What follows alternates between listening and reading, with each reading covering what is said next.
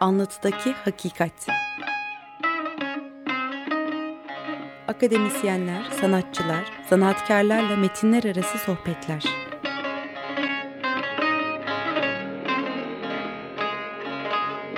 Hazırlayan ve sunan Ahmet Balat Coşkun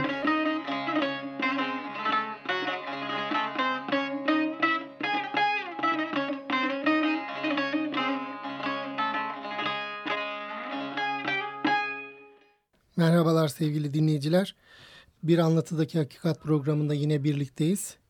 94.9 Açık Radyo'dayız ve e, Teknik Masa'da Ömer Şahin bana yardımcı olacak. E, bugün konumuz hukukun sefaleti ve konuğum Erdal Doğan. Erdal Doğan bir hukukçu. E, biz onu Hrant Dink e, cinayetinden sonraki savunmalarından tanıyoruz. E, bugün bize e, hukuk üzerinden e, hukukun e, ülkedeki icrasıyla ilişkilerinden ve onun e, nasıl bir süreçten evrildiğini e, izleyeceğiz. Bir miktar Erdal Doğan'dan bahsedeyim size. 2000 yıllarından beri İstanbul'da serbest avukatlık yapmaktadır. Azınlık hakları, düşünce, inanç ve ifade özgürlüğü, cinsiyet ayrımcılığına karşı insan hakları alanında çalışmakta. İstanbul Bilgi Üniversitesi'nde insan hakları alanında yüksek lisans yapmış ve insan hakları hukuku ve ceza hukuku alanında yayınlanmış üç kitabı da bulunmaktadır. 2001 yılından beri Türkiye'deki birçok ulusal gazetede güncel insan haklarına dair yazılar da yazmakta.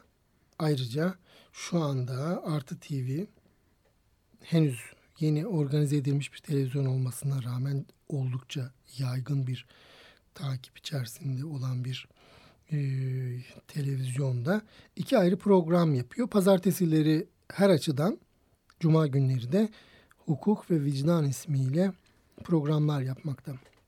Hoş geldin Erdal. Hoş bulduk. Teşekkürler Ahmet. Ee, Erdal bir giriş yapabiliriz. Bu ülkenin bir hukuk e, gündemini bize bir e, tanımlar mısın? Yani e, tabii benim avukatlığa başladığım yıllar 2000'li yıllar.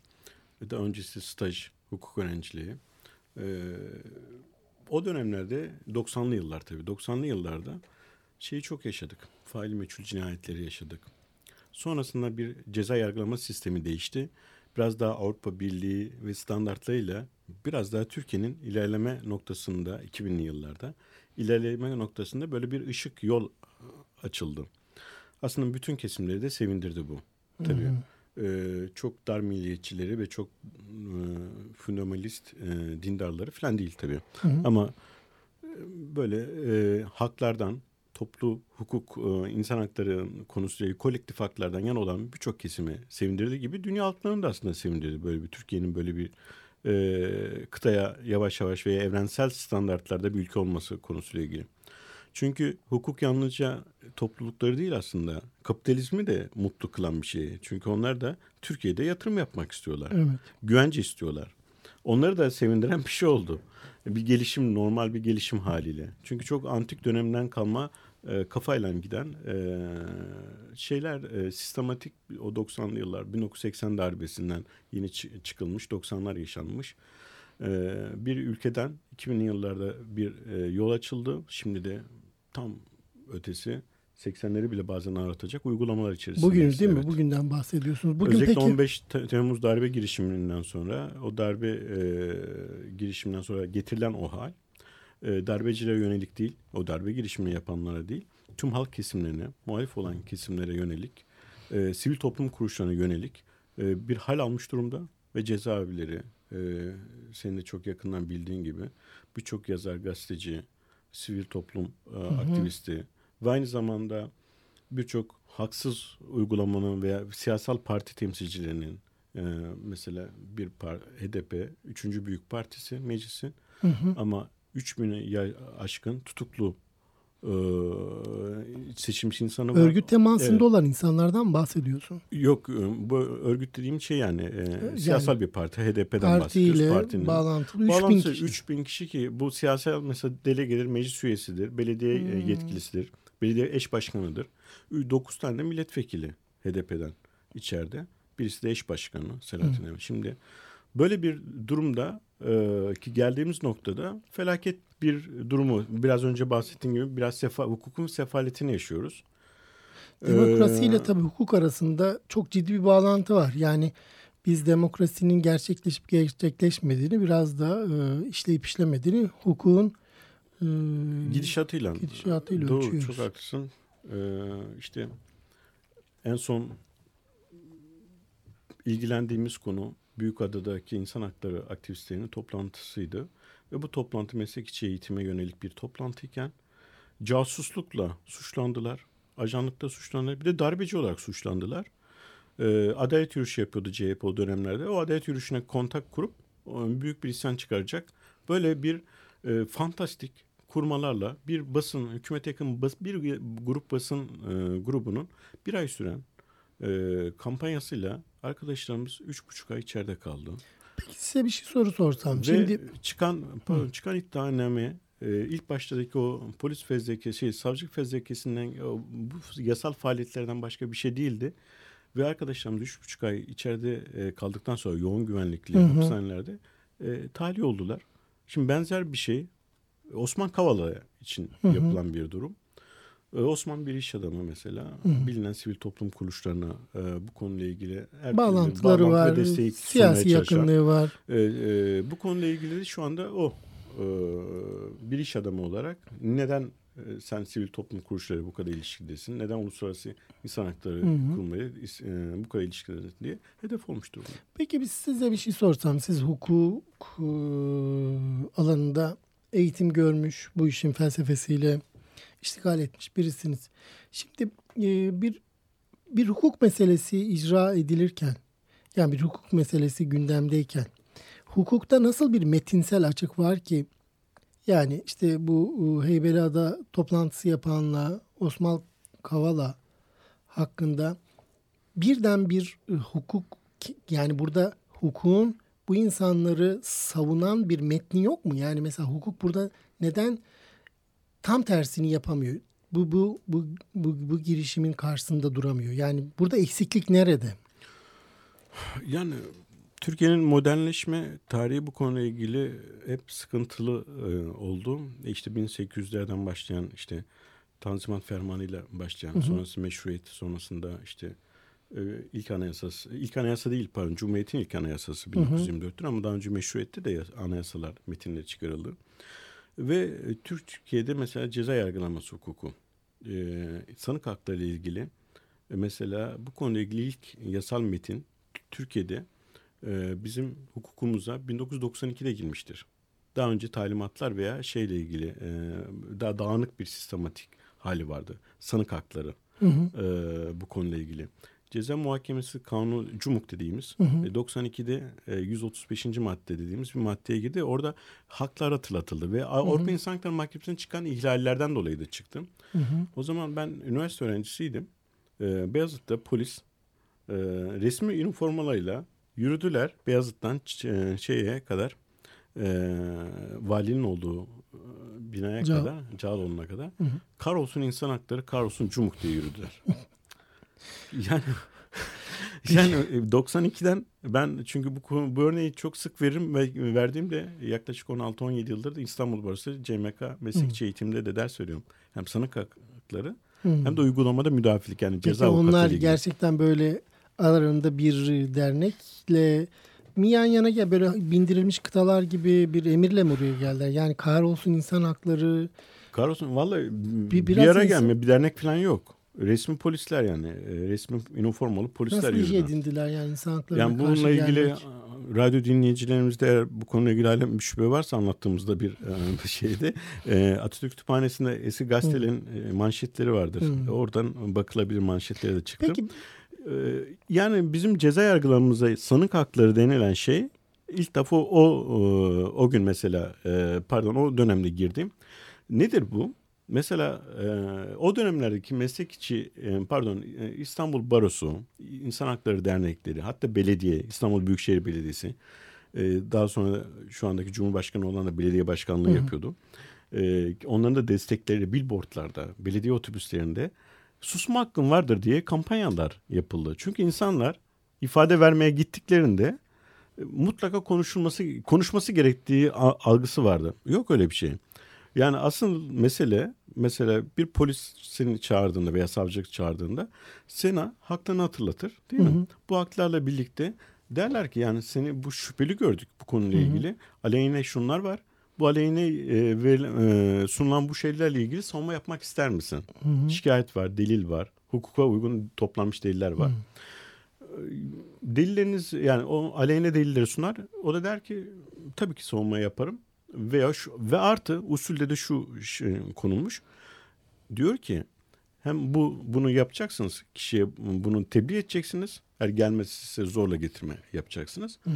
Ama aynı zamanda ona şu olanağı e, sağlayacaksınız. Delillerin toplama konusuyla ilgili e, imkan sağlayacaksınız. Yani hı hı. sana diyor ki savcıya çıktığında, polise çıktığında kardeşim bu suçlamaları kabul etmiyorum. Benim şu A kişisi, B kişisini şu adresten getir, şu kameradaki kayıtları getir. Bak ben dediğin şey yapmamış olacağım.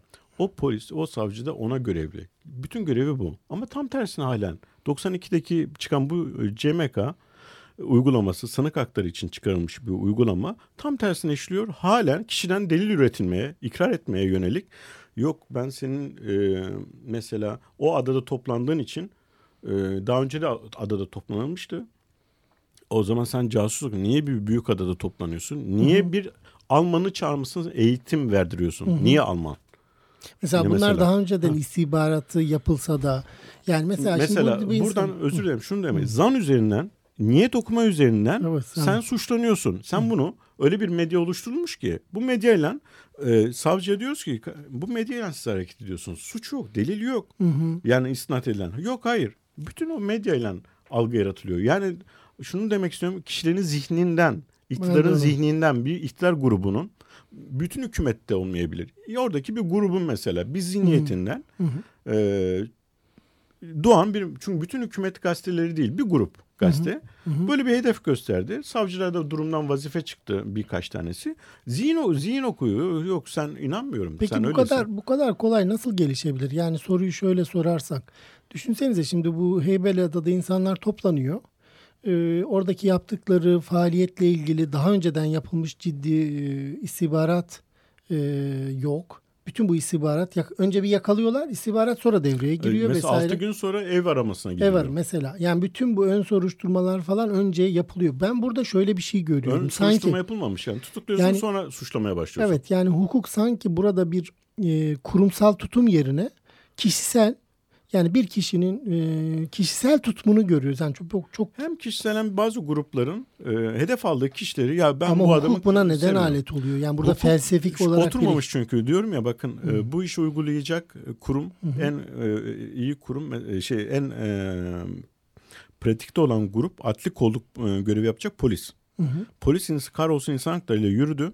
Hı hı. Karolsun Cumhuk diye yürüdü. Hı hı. Ve aynı şekilde e, mesela bir metin pardon bir araştırma yapılmıştı. TESEF bir araştırma yapmıştı yıllar çok 5-6 yıl önce.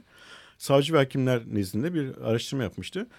İnsan haklarımı yani e, birey ve topluluk haklarımı e, konusunda sorular konusunda mı, e, senin karşısında devlet mi devleti mi korumaya kalkarsın birey ve insan haklarını mı? Elbette ki %60'ın üzerindeki bir oran devleti diyorum. Şimdi savcı ve hakim ve aynı zamanda polis e, görev yaptığı kişinin görev yaptığı görevinin, misyonunun halkı, insanları korumak olduğunu unutuyor. Maaşının o halktan çıktığını unutuyor. Yani kendisinin görevlerini, bütün o ceza yargılaması sistemi şöyle e, ters oturmuş. Sanıktan biraz önce basit bir örnek verdim aslında. Ceza muhakemesi kanunu, ceza yargılaması, cumuk diyoruz. O cumuktaki şey, CMK'daki şey kişinin adil yargılanması, düzgün yargılanması veya dürüst yargılanması dediğimiz şekilde yargılanmasını amaçlar. Ama tam tersine kişi aynı Engizisyon'daki gibi kişi suçlanıyor. Hadi bakalım ispat et kendini masum olduğunu. E, bizim çağdaş ceza hukukunda nedir? Tam tersinde masumiyet karnesi hakim. E, kişi e, hakkındaki deliller kesinleşir, şey hüküm verilir. O güne kadar kişi masumdur ve suçlayan kişi ispat etmek zorunda. Ama tam tersine şu Engison'daki gibi hı hı. sen suçlusun. Buyur bakalım kendi masumluğunu şey yap. İkna et bize ya. Ya mesela bu konuyla ilgili bu çığırından da çıktı son yıllarda. Özellikle o hal döneminde çığırından çıktı. Eskiden bir su bardağının yarısı boş yarısı dolu. Boş olan kısmı ile ilgili tartışma yürütülürdü. Dolu mudur boş mudur diye. Şimdi boş bardağı koyuyor bu dolu diyor. Sen de diyorsun ki hayır boş diyorsun. Bu hı hı. bardak boş nasıl görmüyorsun diyor. Hayır ben de onu dolu görüyorum diyor. Hı hı. Şimdi bizim hukuk yani hukukçular için de insanlar için suçlanan insanlar için de artık gerçekten çok zor bir döneme girdik. Yani artık eskideki yarım e, olan şey de artık kalkmış durumda. Tamamen masumiyet karinesi, e, kişilerin cezadan yasallık cezalan yasallık ilkesi, doğal yargıçlık ilkesi bunların hepsi gitmiş. Biraz önce dediğim gibi önce zihniyet okumanın ötesinde artık suçlama e, zihnini okuyor diyor sen hayır öyle düşünmüyorsun böyle düşünüyorsun sen mutlaka suçlusun ve bu konuda hedef aldığı tüm kesimler şu anda muhalif olan tüm kesimler o halle birlikte toplu olarak zan altında. Hı hı. E, referanduma giderken e, evet kampanyası yürüten o dönemki Cumhurbaşkanı neredeyse toplumun yarısını terör yaftası yapıştırmaya kalktı. Peki bunlar niye yani bu kadar böyle, kolay oluyor yani? Ötekileştirme, bu kadar e, ayrımcılık e, Türkiye'de e, geçmişten gelen bir şey zaten ama bu, zemin buluyor demek. Çok millet bu konuyla ilgili bu propaganda çok etkili oluyor. Casus, Ama hukuk mesela kurumsallaşsaydı. Hukuk kurumsallaşmamış. Dediğin gibi hukuk kurumsallaşmamış. Yani, ne polisinde kurumsallaşmış, ne savcısında kurumsallaşmış, ne hakiminde. Onun için her savcı ve hakim döneme göre hareket ediyor. şey diyebilirdi. Bu söylediklerinizi doğru bulmuyoruz. Bu hukuken eşlik etmeyeceğiz sizin bu yaptıklarınızın. Yani böyle bir şeyin icra. Maalesef e, yani kurumsallaşmış işte, kurumsallaşmadığı için de hmm. e, hakim ve savcılar siyasi iktidarın e, Nasıl gözüküyor? Kurumsallaşmamış. İşte, yukarıdan aşağı birisi kişisel olarak tutum alıyor. Ona ona uyan bir sürü hakimler, savcılar Hatırlarsınız hep örnekte mesela verilir. Hı. Yani çok da konuşuldu. E, cübbelerde düğme yoktur. Hı hı. Çünkü o cübbeler, yargıçlar veya avukatlar o cübbeleri hı. iliklemesinler diye. Ama Danıştay Başkanı bir hanımefendi e, cübbesini e, o dönemin artık Cumhurbaşkanı Başbakan önünde iliklemeye kalkıyordu. Yani tutmaya kalkıyordu, eğilmeye çalışıyordu. Şimdi böyle bir durum, böyle bir manzara elbette ki e, durumu en üst yargıç halindeki durum böyle. Yargıda olabildiğince siyasi iktidarın şeklinde şekillenmeye başlandı. Hakimler Savcılar Yüksek Kurulu değiştirildi. Ona göre disiplin durumu şey yapıyor. Ee, böyle bir siyasi iktidarın bir aparatı oldu yargı maalesef. Evet. Onun için de bağımsızlığını ve tarafsızlığını koruyamıyor. Ee, ve kurumsallaşmıyor pardon bu yüzden de. Bir müzik arası verelim. Bu hararetli toplantıya devam edelim Erdal. Ee, ilk parçamızı yine e, sevgili konuğum Erdal Doğan seçti. Erik Satie söyleyecek. Grossien No 1. Müzik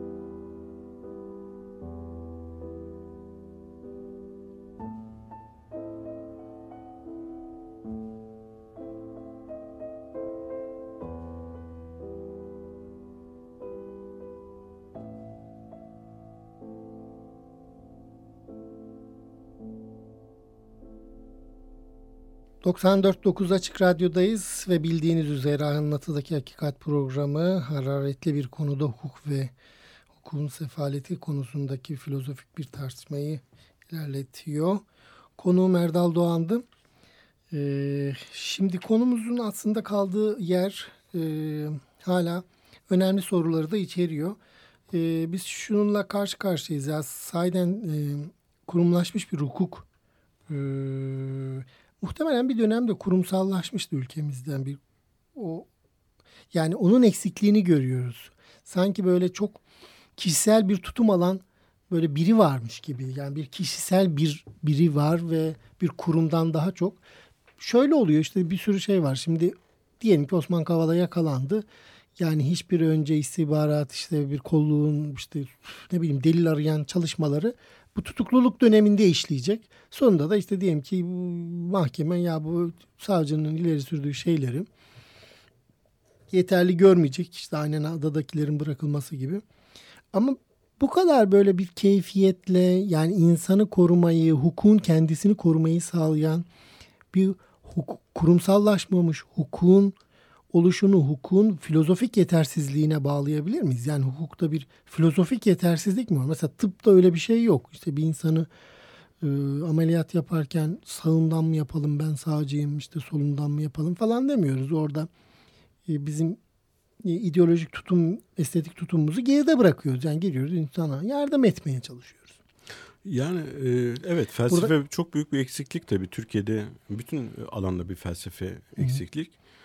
Ee, mesela istihbarattan değil de daha çok dinleyici içerisinde kolluk adli hukuku uygun hı hı. istihbarati bilgiler de çünkü yanıltabilir. İstihbarat hı hı. bilgileri değil de hı hı. bu konuyla ilgili suç oluşturacak delillerdir vardır. Hukuka uygun o delillerin olması lazım. Hı hı. Delilden zanlıya gidilir. Bizde zanlıdan delil oluşturmaya gidiliyor herhalde. Evet, evet. İşkence, eylem, kötü muamele veya niyet artık onlara gerek yok. Niyet o. Ben senin kaş böyle diyor. Kaşının altında göz var veya kaşın üstünde alın veya saç var. Yeterli senin Niye için zaten. amaçlıyorlar bunu? Burada amaç e, kişisel bir şey yani Canlı iktidar yapmak. iktidar e, iktidarın perçinleşmesi konusuyla ilgili hoşuna gitmeyen bir açılım, Muhalefet. hoşuna gitmeyen bir mu muhalefet şeyi veya hmm. bakış açısı ve bu konuda ilgili keyfiliği önleyen ee, buna ilişkin olarak e, son dönemlerde iktidarda çok ciddi bir şekilde iktidar odakları diyelim artık hmm. veya koalisyonları diyelim ee, bu koalisyon hükümetlerinin tek iktidar gözüküyor ama tek bir iktidar gibi gözükmüyor da bu hmm. koalisyonlarda. Hmm. Ee, şeffaflaşmayı, denetimi e, ve aynı zamanda hukukun toplumsallaşmasını e, ve aynı zamanda e, yerel yönetimlerin mesela yerinden yönetimin oluşmasını e, istemeyen bir iktidar anlayışı var. Hı oluşmaya başladı. Bu özellikle 7-8 yıldır çok kendisini göstermeye başladı. Ee, böyle bir durum elbette ki e, çok ciddi bir e, keyfiliği, e, görevi kötüye kullanan birçok kesim oluşturdu iktidar tarafında. Ve aynı zamanda da bürokraside de, siyasette de.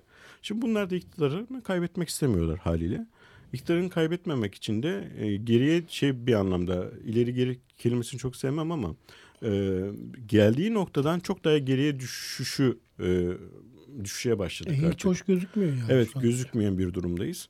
Ee, bu konuda evet bir felsefe eksikliği zaten hep vardı. Felsefe dersleri kaldırdı biliyorsun okullardan zaten azdı. Ee, şey tartışılırdı ilkokullarda bir insan hakları dersi konusu. Çünkü hı hı. hukuk yalnızca e, hukuk fakültesinde okutulmasın. Bütün hukuk insanlar ilkokuldan itibaren haklarını bilsinler e, ortaokul, lisede, e, bütün üniversitelerde hukuk eğitimi olsun. Hı hı. Çünkü insanlar bu anlamda e, kendi e, temel haklarını, özgürlüklerini, kolektif hakları, grup haklarını bilsinler. Bu gibi şeyler çok büyük bir eksikliğini yaşıyorduk. Şimdi daha da beter oldu haliyle.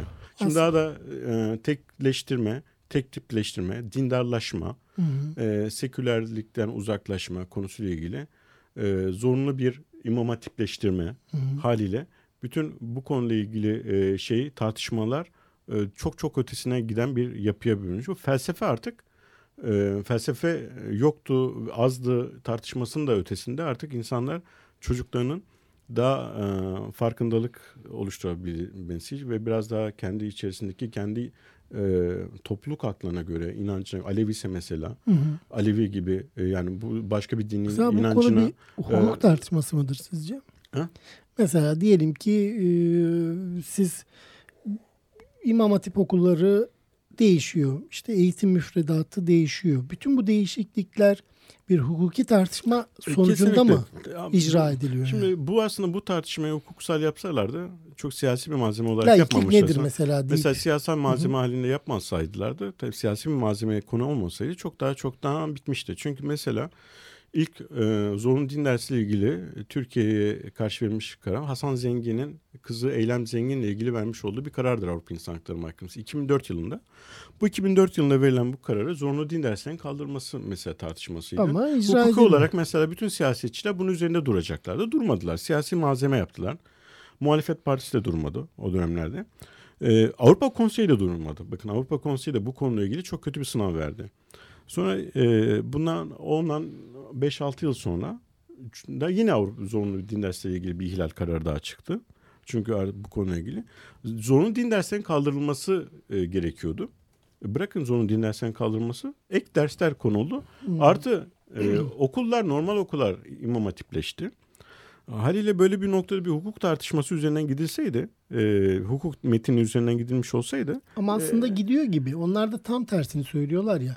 Aslında o bütün bu din dersi, eğitimi, imam hatipleştirme e, faaliyetlerini gerçekleştirirken bir laiklik tartışması yapıyorlar. Ve laiklik tartışmasını senin benim anladığımın tam tersi bir şekilde bir hukuki kavram olduğunu söyleyip evet dolayısıyla diyorlar ki ya işte imam hatiplerde olmalı, Evet. insanlar özgür olmalı hukuken, e, Aleviler de aslında Müslümandır falan deyip onların e, gereksiz inançlarına yer vermemize gerek yok deyip hukuken de doğrusu budur diyorlar.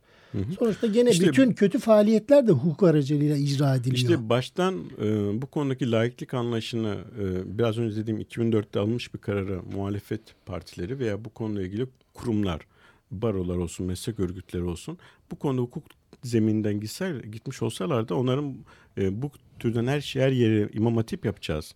Konudaki e, özgürlükçü bu özgürlükçülüktür tırnak içindeki özgürlükçülüktür demek argümanı ortadan kalkar. Çünkü evet imam hatip açılmalı. Gerektiği kadar gerekli olan imam hatiplerin e, olmasına tüm imam hatiplerin kaldırılması da değil imam hatip gerekiyorsa açılır tabii. Hristiyan da kendi dini idam adamını yetiştirir. Alevi de kendi özerk olarak kendi adamını yetiştirir. Bu şekilde bakılmış olsaydı hukuksal özgürlükçü bir laiklik mantığıyla bakılmış olsaydı e, çünkü o dar laikçilik e, bakışı daha fundamentalist ve dindar bakı, bakanlara malzeme oluşturdu. Hukuk zeminden çünkü ulaştılar. Temel hukuk verileri, evrensel insan hakları verilerinden uzaklaştıkları için e, o tuzağa düştüler. Ama halen de o tuzaktan kaçırabilir, hukuk her, her zaman savunabilir bir metin el, olarak elimizde duruyor. Hı hı. Biraz önce bir şeyinize e, dikkat çekmek istedim. Felsefe konusuyla ilgili. Mesela bizde çok iyi felsefe yetişmiyor. Filozof yetişmiyor.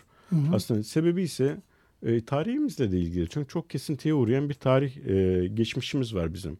Medeni şey kültürler e, konusuyla ilgili. Kültürel e, Devamlılıkta hal- devamlılık sorunu, problem, problem, evet. problem var. Mesela 1915'te ne olduğu tartışamıyorsun halen e, şeydir kapalıdır orası. E, yüzleşme konusuyla ilgili yapamazsın. Ne oldu Ermenilere, Süryanilere? Onca 1600-1700 yıllık alfabeli kültürlü bir halkın e, medeniyetine ne oldu? Mesela çok ciddi bir yazılı birikim vardı. E, o dönemler içerisinde Kürkor Zohrab denilen e, mebus olan, e, hukukçu olan ve 1915-24 Nisan sürgünlerinde öldürülen hukukçu e, çok önemli hukuk felsefesi kitabı yazmış. Mesela onu Şu an göremiyoruz. değil mi? 23 sonrasındaki Türkiye Cumhuriyeti baroları bundan habersiz, bilgisiz veya bu hukukçuları hiç anmıyor Hangi mesela. dille yazılmıştı o? Osmanlıca. Ee, o dönem içerisinde evet Osmanlıca, Ermenice, Çevirdi, Ermenice olarak da e, var. Ee, şimdi böyle birçok mesele feministler Hı hı. e, ilk e, feminist hareketi başlatan kadın feminist kadınlar var 1800'lerin sonlarında. Sosyalistler hep tarihi 1923 sonrasında çünkü Aralık bunlar veriyor, ki bunlar toplumun en önemli e, kesimi ve en aydınlık ve en e, farkındalık olan kesimleri bile kendi e, geçmişindeki bu topraklar üzerinde geçmişinden kesintisi şey kes, kesilmiş durumda. Dolayısıyla Ee, bir kültürel dolayısıyla kök savramıyoruz. Kültürel kök, kültürel medeniyet e, şeyi anlamda felsefede, e, insan hakları da to- ilk, ilk anayasa tartışmaları mesela e, yine Kirkor Zoraplar döneminde mesela yapılmış Hı. bir anayasa metinleri var. E, çok ciddi bir şekilde bu bugün tartıştığımız özellik meselesi o dönemlerde E, bütün hakların bir arada yaşayabilmesi metinleri verilmiş. E şimdi siz bunları aktarmasanız veya bu konuyla ilgili Osmanlı aydınları var. Osmanlı aydınlarının edebiyatları, eserleri. Yalnızca Ermenilerden, Süryanilerden, Rumlardan değil, ciddi Osmanlı aydınları da var. Bunların eserleri var. E, 23'ten sonrasını aktarılamazsanız veya sonrasında 60 sonrasındaki darbeden sonra aktaramazsanız 1980'de bir kesinti var. Bu kesintilerle sürekli e, bir devamlılık e, oluşturmuyor. Evet. Problemi var. E, bu nedenden dolayı hem felsefe hem hukuk kurumları oturamıyor maalesef. Kurumsallaşamıyoruz. Ağzına sağlık Erdal. Ee, bir ikinci müzik arası daha verebiliriz. O halde biz Mehmet Akbaş ve Hani'den Berde isimli parçayı dinliyoruz.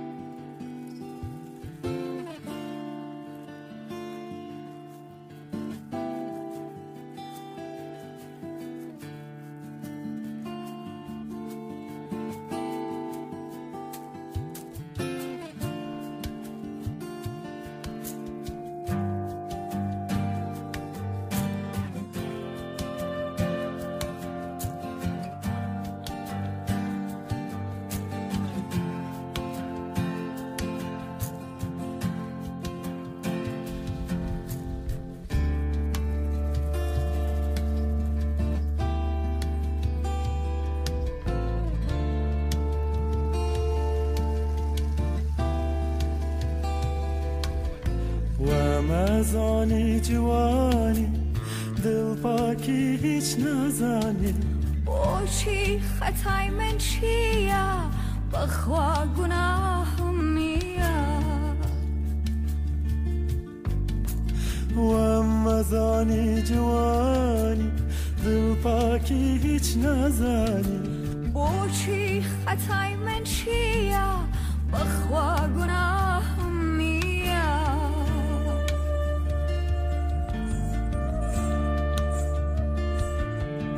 berde, berde, berde, berde. Dabro berokim berde. Ey berde, berde, berde. Dabro berokim berde. Saccar muetsam navet Ihtribessa upeinawet Saccar muetsam navet اتر بس و پیناوت برده برده برده دبرو براکم برده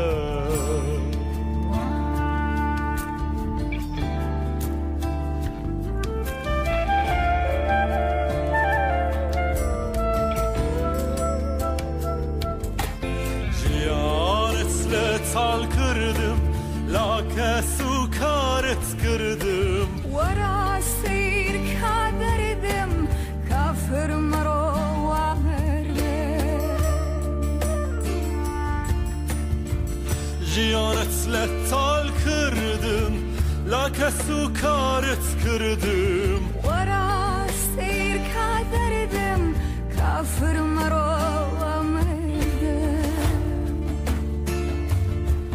Berde, berde, berde, berde Dabro, berokum berde Ey berde,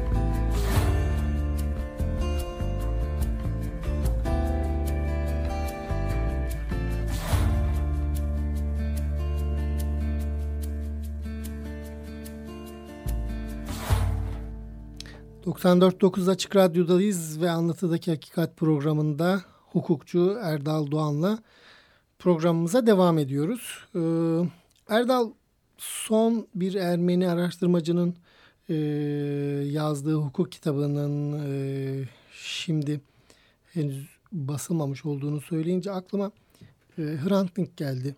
Sahiden çok önemli bir figürdür. Hem kişi tutum ve tavrıyla demokratik e, demokrasiye özellikle inancıyla bir vatanseverliğiyle muhtemelen e, bu ulusun e, bu ülkenin en önemli uluslarının e, özelliklerinden birini kadim bir ulusun bir Ermeni'nin memleketini ne kadar sevdiğiyle ilgili bir e, tartışma süreci çok tatsız bitti ve e, sevgili e, Hrant Dink'i kaybettik.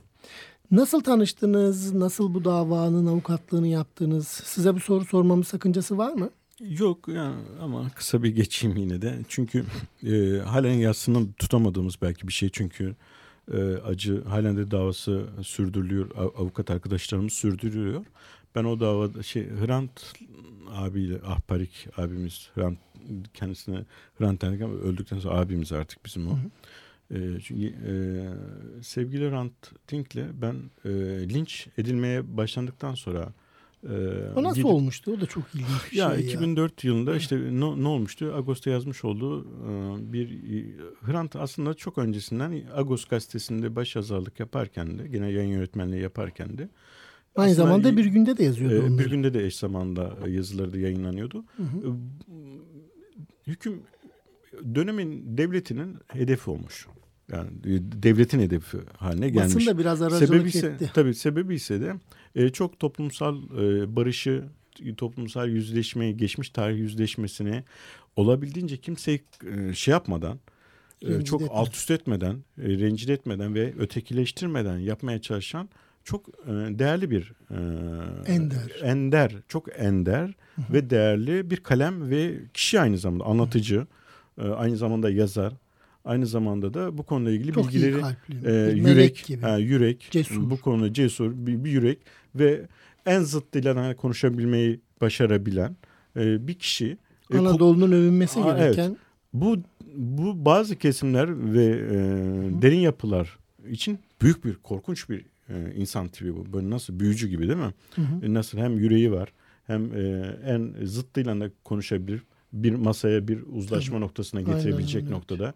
Ve e, Türkiye'de bu konuyla ilgili ciddi bir şekilde halklar buluşması e, ve Türkiye'yi çok ciddi bir noktada e, geldiğin noktadan daha ileri Sıcak taşıyabilecek, taşıyabilecek bir noktadaki şeffaflığı Evet. Barışı e, ve aynı zamanda İyi sevgiyi, niyeti, sevgi sevgiyi, dolu olması çok ürkütüyordu. Tabii. Sevgi ve barış e, teması e, ve aynı zamanda dayanışma teması bazı derin odakları e, hep Ürkütmüyor. ürkütmüş. Hı hı. Hep ürkütmüştür. Böyle bir insanın hedef olması linçe e, o, linçe hedef oldu. İlk yıllar ilk zaman çok yalnızdı. Çok sahiplenilmediğini söyleyemem gerekir. Hukukçulardan e, Fethi Hanım vardı. Ben de gittim yardım edeyim dedim Hrant'a doğrudan. Ben de kendi genç bir avukatım ama gidip Hı-hı. yardım edeyim. Ce, cezalı anda çünkü şey açısından.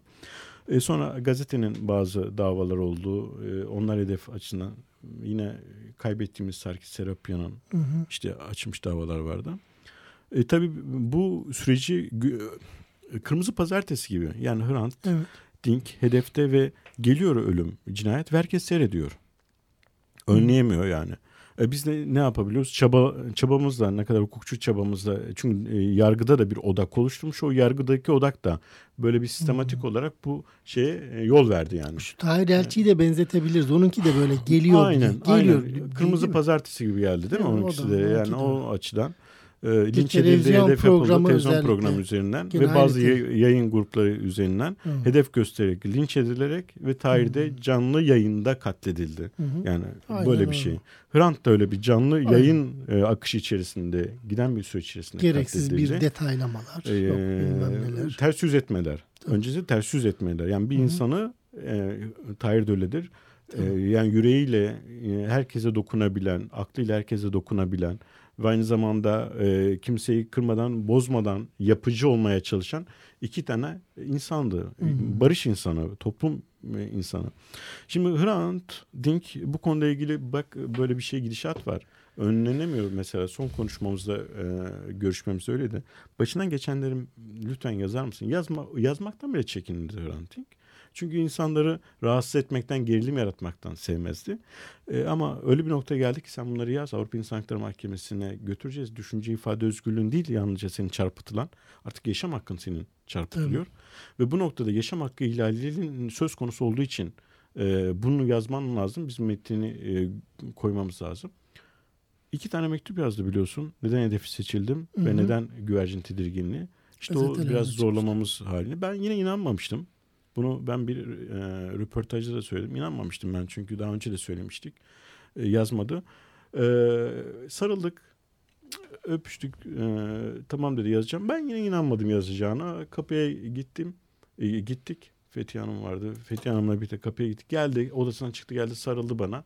Yazacağım dedi Erdal dedi. E, ve orada o iki yazıdan neden hedef seçildiğini ve aynı zamanda o güvercin tedirginliğini anlıyor. Şu anda Türkiye'deki birçok kesim ötekileştirilmiş noktada Türkler bile ötekileştirilmiş yani seküler yaşamak isteyen veya bu konuda farklı düşünen muhalefet Demokrat yapan olan ya. demokrat olan insan olan Evet, veya kendisi hiç sıradan, e, evet. sıradan ama e, yaşam e, ve toplumsal yaşam olmak, olmaya çabalayan bütün kesimlerde bir güvercin tedirginliği var şu anda.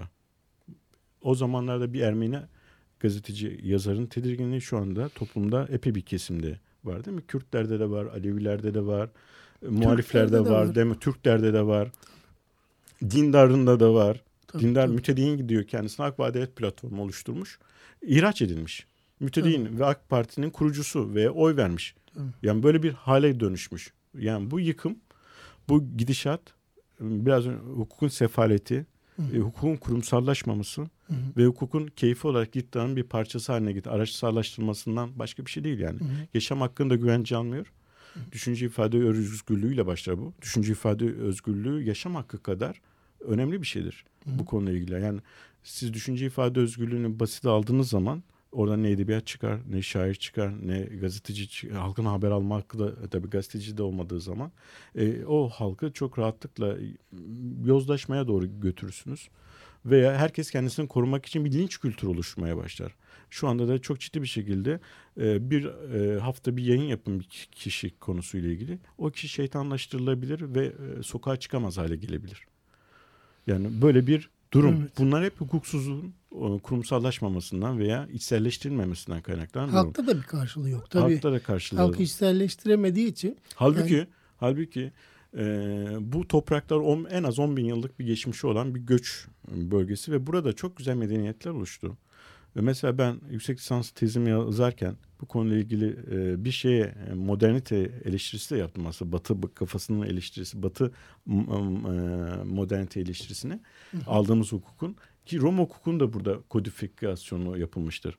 Yani yüz dönem üst döneminde İstanbul'da e, hukukun kodifikasyonu burada İstanbul'da yapılmış. yazılması. Ee, ondan önce e, çok iyi hukuk metinleri yine bir Anadolu'da yazılmış. Hititler tarafından Asurlar, e, Mezopotamya Böyle aşağıda. Böyle e, böyle bir topraklar, hukukun zengin olduğu bir topraklarda. Hitit hukuku da çalışırken de böyle bu zenginliği vermeye çalıştık ki bu topraklar veya bu topraklardaki halklar aslında belleklerinde çok güçlü, geçmişlerinde, tarihlerinde çok güçlü, inanılmaz bir hukuk zenginliğine sahip. Hem doğacı, hem özgürlükçü, hem e, insan odaklı ve aynı pardon aynı zamanda doğa odaklı bir hukuka e, sahip. Aynı zamanda da yönetimi e, eleştirebilecek. E, ilk anayasasını e, çıkartmış. Telopünü fermanı var mesela. Çok ciddi bir şekilde kralın kendisini yargılandığı bir sistem e, ve onu yargılayan bir meclis var. Kral kötü bir yönetimi zafiyet yani zaaflarını e, e, uyup da yönetimi e, kötü yönetirse o meclis onu alıp yargılıyor. E, toplum dışı edebiliyor. En ağır cezadır toplumdan atılmak. Böyle ağırlaştırılmış e, cezalar var. İdam cezası varken idam cezasının kalktığı bir şeyi görüyorsunuz. Tazminat hukuku var. Hapishaneler var, hapishaneler uygulanmıyor mesela. Çünkü kısasa kısasa e, sistemin kalktığı durum söz konusu. Böyle e, kadın hukukunun şey kadın ve çocuk hukukunun aile hukukunun oluşturulduğu bunlar hepsi yazılı metinleriyle oluşmuş bir geçmişimiz var bizim. E, biraz önce dediğim gibi 110 yıl 120 yıl içerisindeki kesintiler katliamlar darbeler dönemiyle yüzleşememiş e, ve bu konuyla ilgili e, kesintiye uğramış bir sistem içerisinde bunlar bazen şu anda bile lüks kaç, kaçıyor değil mi? Evet. Çok teşekkür ederiz e, Erdal Doğan. E, bir e, Anlatıdaki Hakikat programının daha sonuna gelmiş olduk.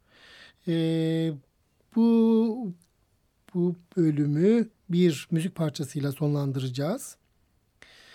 Noir Desir Levent Nos Portera adlı bir parça. Gelecek haftaya görüşmek üzere. Allah'a ısmarladık.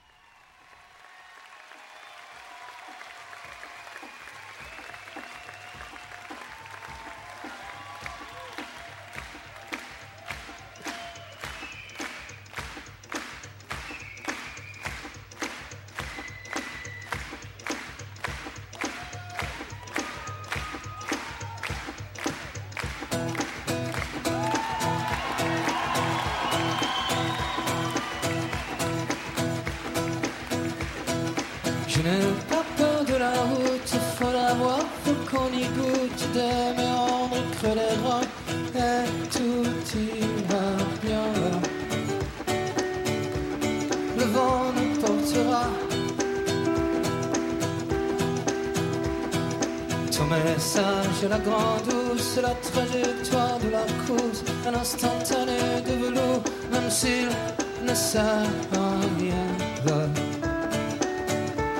Le vent l'emportera, tout disparaîtra. Le vent l'emportera. La caresse et la mitraille,